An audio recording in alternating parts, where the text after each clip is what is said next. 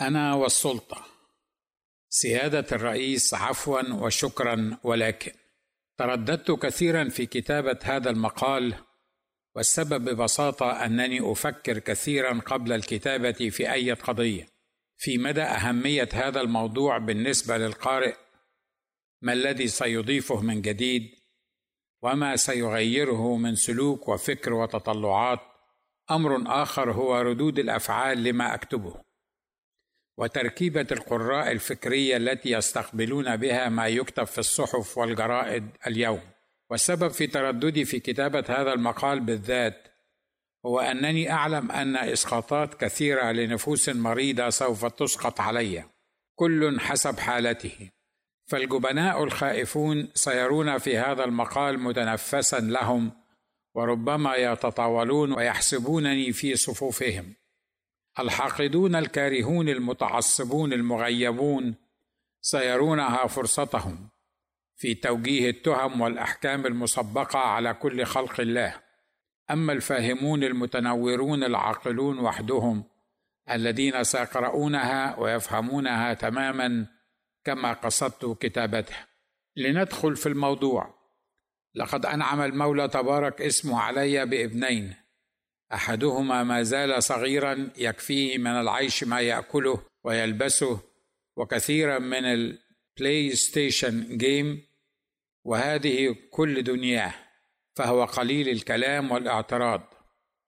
وبالرغم من صغر سنه فهو هادئ رزين محب شاكر على كل ما لديه متكيف مع كل المستجدات والظروف حلوها ومرها.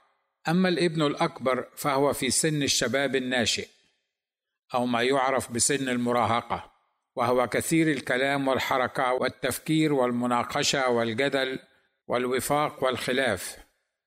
قائد بطبيعته برغم صغر سنه لا يكتفي بما هو فيه. ومع اختلاف الاثنين في طباعهما فإنهما متفقان على أن بابا الذي هو أنا لا بد أنه يعرف كل شيء ويملك كل شيء وقادر على كل شيء وهم لا يقبلون من بابا دون هذا التوقع وإلا فكيف يكون بابا؟ فإذا ما اعترضهم سؤال ما أو بحثا عن شيء فلا بد أن بابا يعلم فبابا في نظرهم يفهم كل شيء في الدين والسياسة والإقتصاد والإجتماع والموسيقى والرياضة وهم يطالبونني أن أكون عند حسن ظنهم وهم يرون أنني قادر على كل شيء حتى أن كبيرهم عندما كان لديه من العمر أربع سنوات جاءني في أحد اجتماعات كنيستنا في شبرا وبكل ثقة سحبني من يدي وقال لي تعال معي. وأخذني أمام عساكر البوليس الواقفين أمام الكنيسة والمفترض فيهم أنهم يحرسونها.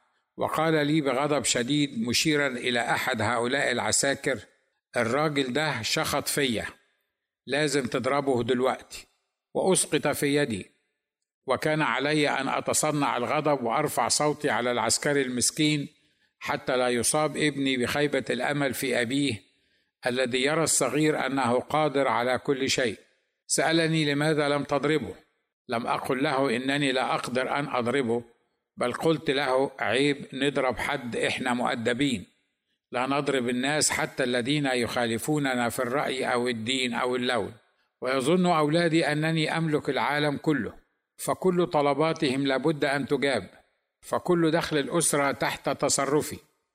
وأنا بابا الذي أمتلك آلاف الدولارات التي تهبط علي من السماء كما يعتقدون.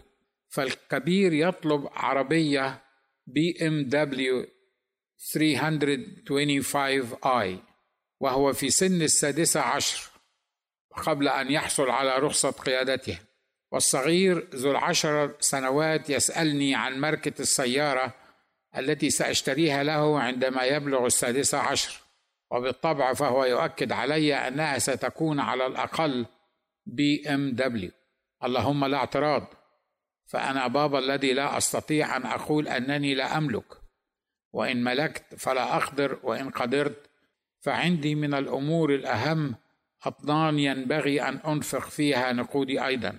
توارد كل هذا في ذهني وأنا أتصفح عناوين معظم الجرائد والمجلات التي تصدر في مصر اليوم والتي تتناول بالنقد واللوم بل وأقول الشتائم وقلة الأدب التي يكتبها صحفيون ضد الرئيس حسني مبارك وابنه جمال وغيرهم من أسرته.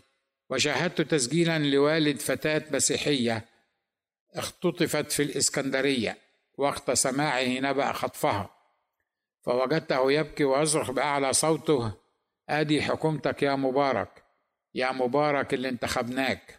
ومع أنني لا ألومه على ما كان يقول أو يفعل بسبب فقدانه لعقله نظرا لمرارة الموقف ولأن فلذة كبده قد خطفها الغوغاء المجرمون واعتبروها ممن ملكت أيمانهم واستباحوها لأنفسهم.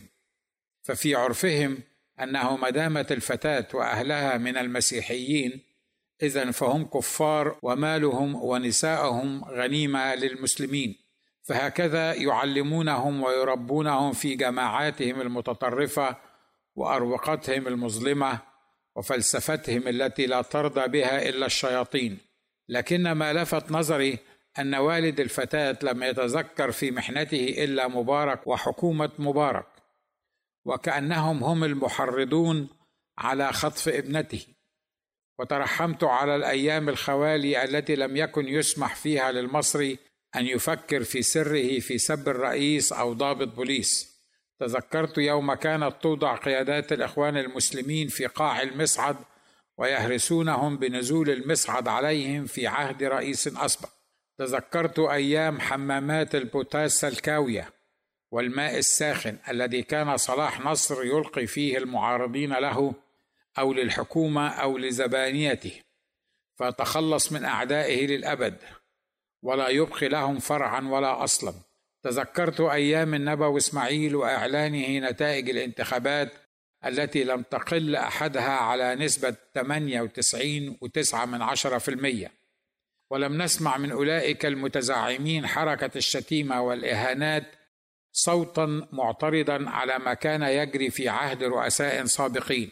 أما اليوم فقد كثر القادة والزعماء والمتشنجون والإرهابيون والمطالبون بما يعلمون وما لا يعلمون. والسبب هو محاولة ممارسة الديمقراطية واستغلال الحرية التي لا نفهم معناها الحقيقي في مصر حتى الآن. ولست أعرف بالضبط هل أحيي الرئيس مبارك على محاولته إعطاء الفرصة للرأي الآخر أن يعلو ويعبر عن نفسه أم ألومه على ما وصلنا إليه من فشل ذريع في محاولة فهمنا وممارستنا للديمقراطية؟ مع أن المرء لا يلام إذا ما اتخذ جانب الحرية والديمقراطية حتى لو أسيء استخدامها من الآخرين فهذا ليس ذنبه. والعجيب أن الصحافة والإعلام اليوم لا يرى سوى السلبيات والإعاقات والانحراف والشؤم الذي ينتظرنا جميعا. ومن يقرأ جرائدنا اليوم لا يجد مدحا واحدا حتى ولو لأمر واحد. أو شكرا يقدم لحكومة مبارك على أي شيء وكأنه لم يعمل شيئا واحدا حسنا في مدة رئاسته حتى الآن. فنحن شعب بطبيعته لا يرى سوى السلبيات كما قلت وهو دائم الإشفاق على نفسه وخبير في إلقاء اللوم وإدانة الآخرين حتى على أخطائه الشخصية. ونحن شعب مستسلم لتعليم القضاء والقدر وغيره من الخرافات التي ملأت عقولنا فشلت حركتنا وعوقتنا وأصبحنا بفضلها من المتخلفين. لذا دعني أقولها صراحة يا سيادة الرئيس إن معظم طبقات شعب مصر اليوم ليست مستعدة لممارسة الديمقراطية ولا يعرفون كيف يتعاملون مع الحرية التي يتشدق الكثيرون بطلبها. أقولها وأنا أعلم أنني سأثير سخط الأحباء والأعداء وسيخرج علي فرسان الديمقراطية المزعومة وأصحاب الشعارات والتصريحات ليلوموني كما لاموا الدكتور نظيف عندما قال نفس الكلام بأسلوب آخر. لكن هذه هي الحقيقة. فالديمقراطية والحرية التي تمنح لمن يصفون غيرهم بالكفرة والقردة والخنازير ستكون السكين التي يقتلون بها أنفسهم وغيرهم. والديمقراطية والحرية التي تمنح لقوم يؤمنون ويطبقون مبدأ انصر أخاك ظالما أو مظلوما ستأكل الأخضر واليابس في بلادنا ولن تبقي على الإخوة أو الأعداء في ديارنا. والحرية والديمقراطية التي تمنح لقادة وزعماء وأمراء وشيوخ يظنون أن تفجير النفس وقتل الأبرياء وخطف القصوص والنساء عمل يثابون عليه يوم القيامة. ستكون نارا ستشعل الدنيا بلظى سيشمل الجميع. الفقراء والأغنياء الكبار والصغار الرجال والنساء. ولبرهنة ما قلت وأقول ثانية من أن جل شعبنا اليوم ليس ناضجا ولا مستعدا ولا يعرف كيف يستخدم الديمقراطية والحرية المقننة الممنوحة له أسوق مظاهر عدم النضوج فيما يلي. أولا يغلب على شعبنا طريقة النقد الشخص العاطفي لا الموضوعي. ومثالي على ذلك تلك الأصوات التي تنادي بالشعارات لا توريث ولا ملكية مصر دولة جمهورية في اعتراض على فكرة إمكانية ترشيح جمال مبارك لرئاسة الجمهورية خلفا لوالده وسؤالي هو هل فكر هؤلاء الذين يطلقون مثل هذه الشعارات بطريقة موضوعية في الأمر؟ فلماذا يعترض الناس على ترشيح جمال مبارك لرئاسة الجمهورية؟ أم لأنه ابن للرجل الذي خدم مصر طيلة هذه الأعوام يصبح مجردا من حقه كمواطن عادي في هذا البلد أن يرشح نفسه لأي منصب يرى. أعلم أن مبارك وابنه ليس من الملائكة وهما لا يدعيان ذلك. ما الذي يريده المصريون في رئيسهم القادم ولا يتوفر في جمال مبارك؟ أليس أقصى ما نتطلع إليه أن يكون رئيسا شابا متعلما مثقفا وصادقا؟ تربى وتمرس في المطبخ السياسي سنين طويلة ويعرف خبايا الأمور التي يصعب على غيره إدراكها. لقد رأيته منذ سنوات على إحدى القنوات التلفزيونية الأمريكية يجيب على أسئلة كبار الشخصيات الأمريكية. يومها لم أكن أعرف من هو ولم أكن قد رأيته من قبل.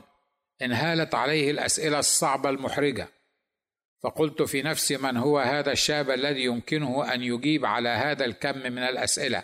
لم ينكر مشكلة واحدة من المشاكل التي نعاني منها لا على المستوى السياسي أو الامني أو الاقتصادي أو الديني اعترف بتواضع ووضوح وصراحة أن لدينا هذه المشاكل.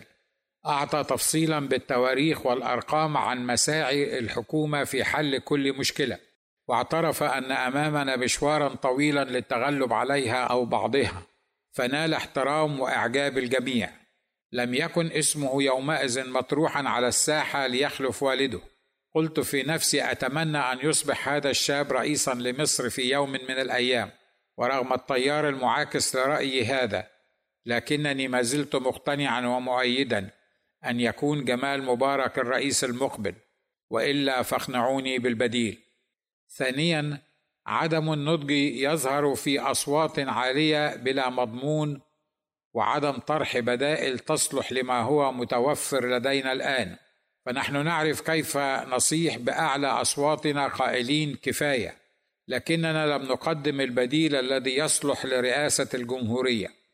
ولعل تجربة الانتخابات الرئاسية الماضية لخير دليل على أن كفاية كادت أن توقع مصر بأكملها في يد الإخوان المسلمين. وما أدراك ما الإخوان المسلمين. ليس من ناحية تأثيرهم ومعاملتهم وتصريحاتهم وتهديداتهم وتوعدهم للمسيحيين فقط بل للمسلمين أيضا. ولست أعتقد أن أمريكا وحكومتها ولا الشعب المصري وقادته قد وعوا الدرس الذي لقنهم إياه الرئيس مبارك في الانتخابات الماضية. فأمريكا تغطية لتدخلها في سياسات الدول العربية والإسلامية في الشرق الأوسط تطالب رؤساء هذه الدول بمزيد من الديمقراطية والحرية في حكم بلادهم والشعب متمثلا في مخلصين ومغرضين يطالبون بمزيد من الديمقراطية والحرية وكانت نتيجة المساحة المحدودة من الديمقراطية والحرية التي منحها حسني مبارك للشعب المصري أن فازت الجماعة المحظورة الإخوان المسلمون. بكل هذه المقاعد في مجلس الشعب ولو فازت هذه الجماعة بهذه المقاعد نتيجة لممارسة نزيهة حقيقية للحرية والديمقراطية التي أعطيت لها لكنت أول المهنئين. لكن أن تفوز هذه الجماعة بشراء الأصوات من الناخبين وتوزيع الهدايا والحلاوين والتهديد باستخدام الأسلحة والسيوف والجنازير ضد من لا يمنحونها أصواتهم صاغرين فهذا مرفوض مرفوض. وإن دل على شيء يدل على أننا غير قادرين على استيعاب التجربة الديمقراطية التي نحن لها سائلين. ثالثا يبدو عدم النضج أيضا في ممارسة الديمقراطية والاستفادة من الحرية عندما يغير القادة والمتزعمون خطابهم وفقا للضغوط الأمنية في البلاد ويبدو أنه مضى عصر الشاعر الذي قال وللحرية الحمراء باب بكل يد مدرجة تدق فالمؤمنون بالديمقراطية والحرية التي ينادون بها لا ترهبهم دروع الأمن المركزي ولا حملات زائر الفجر ولا اعتقالات قانون الطوارئ. فهذه ضريبة الإيمان فالإيمان أمر مكلف. ومن له إيمان بنظرية أو عقيدة أو دين يبقى ثابتا عالي الصوت مرفوع الرأس حتى لو زج به في غياهب السجون. أما أن نرى المتشدقين بالقيادة والزعامة وقد أخفوا أنفسهم في المغاير والكهوف عندما تطاردهم قوات الأمن. وزجوا بشباب الجامعات والزوايا والحواري في مظاهرات تطلق الشعارات وتقذف الحجارة والقاذورات على المصالح والمتاجر والوزارات.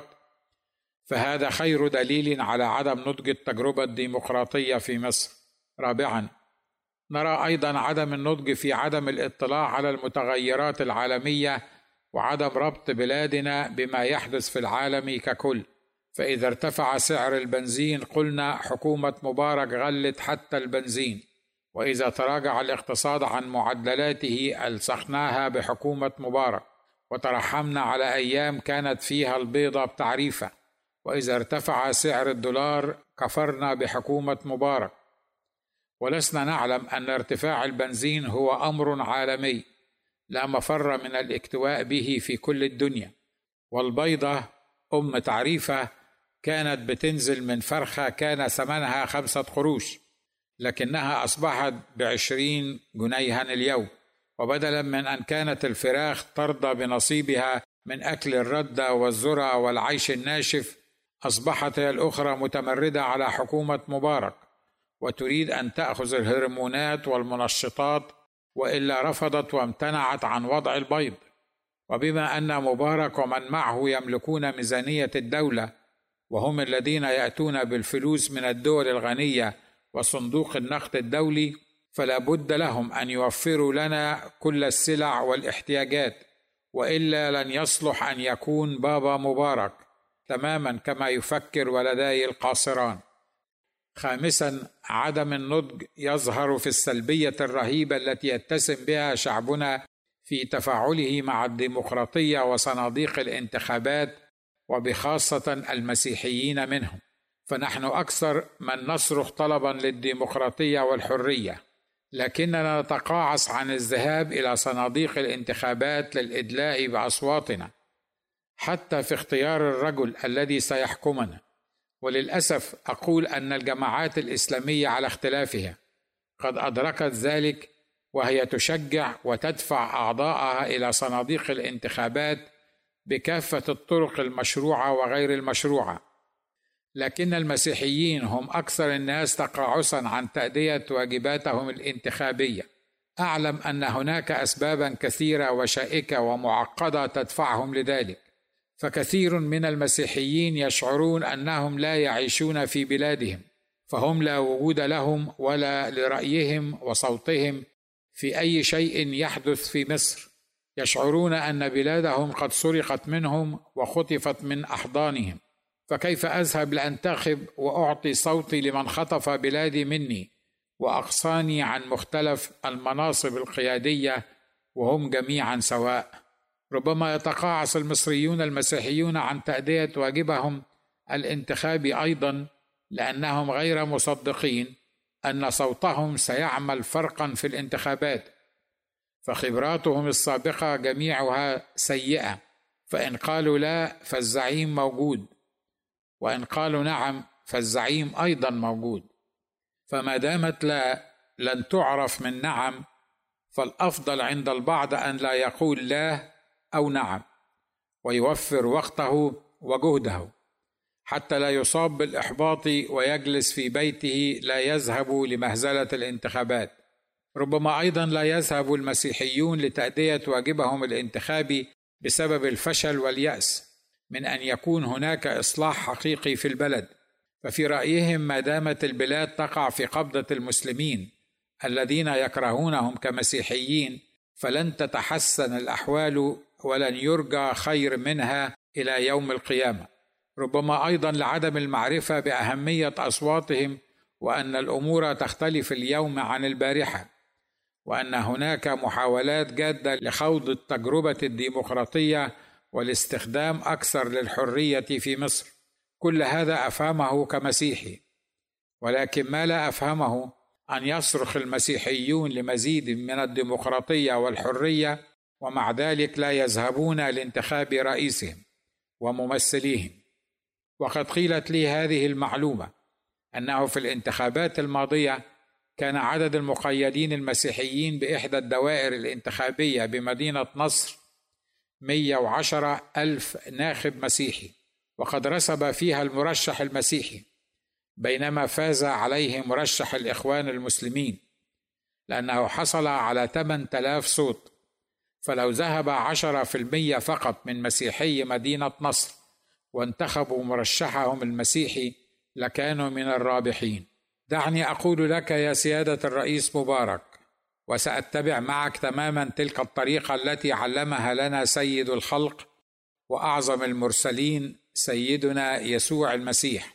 فلقد كان من عادته تبارك اسمه عندما يتكلم إلى البشر أن يذكر لهم حسناتهم ويشكرهم عليها ثم يوجه لهم عتابه في كلمات نبعها المحبة والإخلاص. لم يعمل هذا مع أصحابه ومريديه فحسب أو مع المخلصين الأمناء منهم فحسب بل حتى مع أعدائه لم يتخلى عن طريقته الرائعة. لم يكن السيد تبارك اسمه يعرف المداهنة والرياء فلم يكن محتاجا لأحد ولا خائفا من أحد ولا مجاملا على حساب الحق والحقيقة بل كان صادقا وامينا وبهذا الأسلوب عينه أقول لك عفوا عن كل مرة انتقدناك فيها ولم نقدر ظروفك التي تمر بها داخليا وخارجيا ولم نفكر إلا في إنك بابا مبارك الذي ينبغي أن تكون عارفا بكل شيء وتقدر على كل شيء وتملك كل شيء وعندما لم تشرح لنا موقفك اتهمناك وحكومتك بالعجز والتقصير. عفوا عن كل مرة انتقدناك فيها أو أسأنا إليك ولم نقدم الحل البديل أو الحل أو الرأي الذي يعينك على تحمل مسؤوليتك. عفوا عن كل مرة تطاول أحد المصريين عليكم وعلى ابنكم وعائلتكم ونسينا أنه ليس بيننا خلافات عائلية بل خلافات موضوعية حول حبيبة الكل وست الكل مصر. أقول لك أيضا شكرا لأنك ارتضيت أن ترث ممن كان قبلك تركة خربة مثقلة بالديون والمشاكل وجماعات متناحرة متصارعة وأعداء متربصين بك وبنا واستطعت حتى الآن أن ترفع رؤوسنا في المحافل الدولية وأصبحت الرجل الذي يلجأ إليه في كل القضايا العربية. فأنا كثير الأسفار واللقاءات مع الناس في بلاد عربية مختلفة تجمع فيها الغالبية العظمى على تقديرك واحترامك. نشكرك لأجل المشروعات المختلفة التي أتممتها في عهدك. ونحن كمسيحيين نصلي لأجلك كما علمنا كتابنا المقدس. أنت وكل الذين هم في منصب. نشكرك لأنك لم تتخلى عن الحكم في الانتخابات الماضية وإلا لكنت أسلمت مصر إلى يد من لا يرحم وأضعت من الحريات والامتيازات ما استمتع به المصريون وخاصة في الخمس سنوات الماضية. نشكرك لأنك ارتضيت أن تدرب جمال على لعبة السياسة. ولو كنت مكانك ورغم غلاوة مصر في قلبي لما أسلمت ابني لهذا المستقبل المجهول ولكنت قد منعته بالقوة عن الدخول في هذه الحلبة. فحسب معلوماتي أن جمال يمكنه أن يعيش في أي دولة عربية أو أجنبية في رغد وراحة ويستمتع بحياته كإنسان طبيعي دون هم المسؤولية ومحدودية الحركة وكلام الجرائد التي تثقل وتحني ظهر أي رجل مهما كانت صلابته وقوته. نعلم يا سيادة الرئيس أنك إنسان مخلوق من طين مثلنا. لك نقاط عظمتك ونقاط ضعفك. نعلم أنك لست كلي العلم فالقادر الوهاب العليم بكل شيء لا إله إلا هو سبحانه وتعالى وحده كلي العلم. لكنني أقترح عليك أن تضع واحدا أو أكثر من المسيحيين ليكونوا مستشاريك في الشؤون الدينية المسيحية. فليس من العدل أن يكون جميع المسؤولين عن شؤون الكنائس في مبنى لزغلي من المسلمين. وليس من المنطقي أن تحصل على معلوماتك فيما يخص المسيحيين من جماعة من المسلمين حتى لو كانوا مخلصين. فالمسيحيون وحدهم هم القادرون على توصيل أصواتهم وقضاياهم لك أنت شخصيا. هل تعلم يا سيادة الرئيس أن هناك من اودعوا السجون والمعتقلات المصرية لا لشيء إلا لأنهم مسيحيون كما يعرفهم رجال أمنك نشطون؟ هل تعلم يا سيادة الرئيس أن مستشفى الأمراض العقلية بالعباسية تضم شبانا مسيحيين محكوما عليهم بالجنون لأنهم نشطون؟ هل تعلم يا سيادة الرئيس أن السجون عامرة بمن شرح لهم المولى صدورهم؟ وقبلوا المسيح لا المسيحية مخلصا شخصيا لحياتهم من المسلمين لا لشيء إلا لهذا السبب وأحدهم يوجد في زنزانة تحت الأرض بأربعة عشر قدما في سجن وقد قبض عليه في نفس اليوم الذي أفرجت عنه النيابة بقرار من المحكمة أكاد أجزم أنك لا تعلم كل هذا لأنك بشر ولست كلي العلم لكن إن أردت أن تعلم فنحن على استعداد للقيام بهذا العمل. نعم عفوا وشكرا. ولكن اللهم نشكرك لأجل رئيسنا وحكومتنا وشعبنا. اللهم أطل سلام بلادنا وأمتنا. اللهم أنعم علينا وأحسن إلينا واهدنا. اللهم لا تحمل علينا وزرا ارتكبناه دون إدراكنا. واغفر لنا وارحمنا. فأنت إلهنا وربنا. اللهم ابعد عنا الظالمين والطغاة وجنبنا عذاب القبر الذي كتبته للأشرار والعتاة. إنك المحب الودود الغفور ولك كل الحمد والثناء. الهامش ذكر في الهامش قصد الكاتب أن يذكر مبارك أن هناك العديد من المسيحيين في السجون ومستشفيات الأمراض العقلية.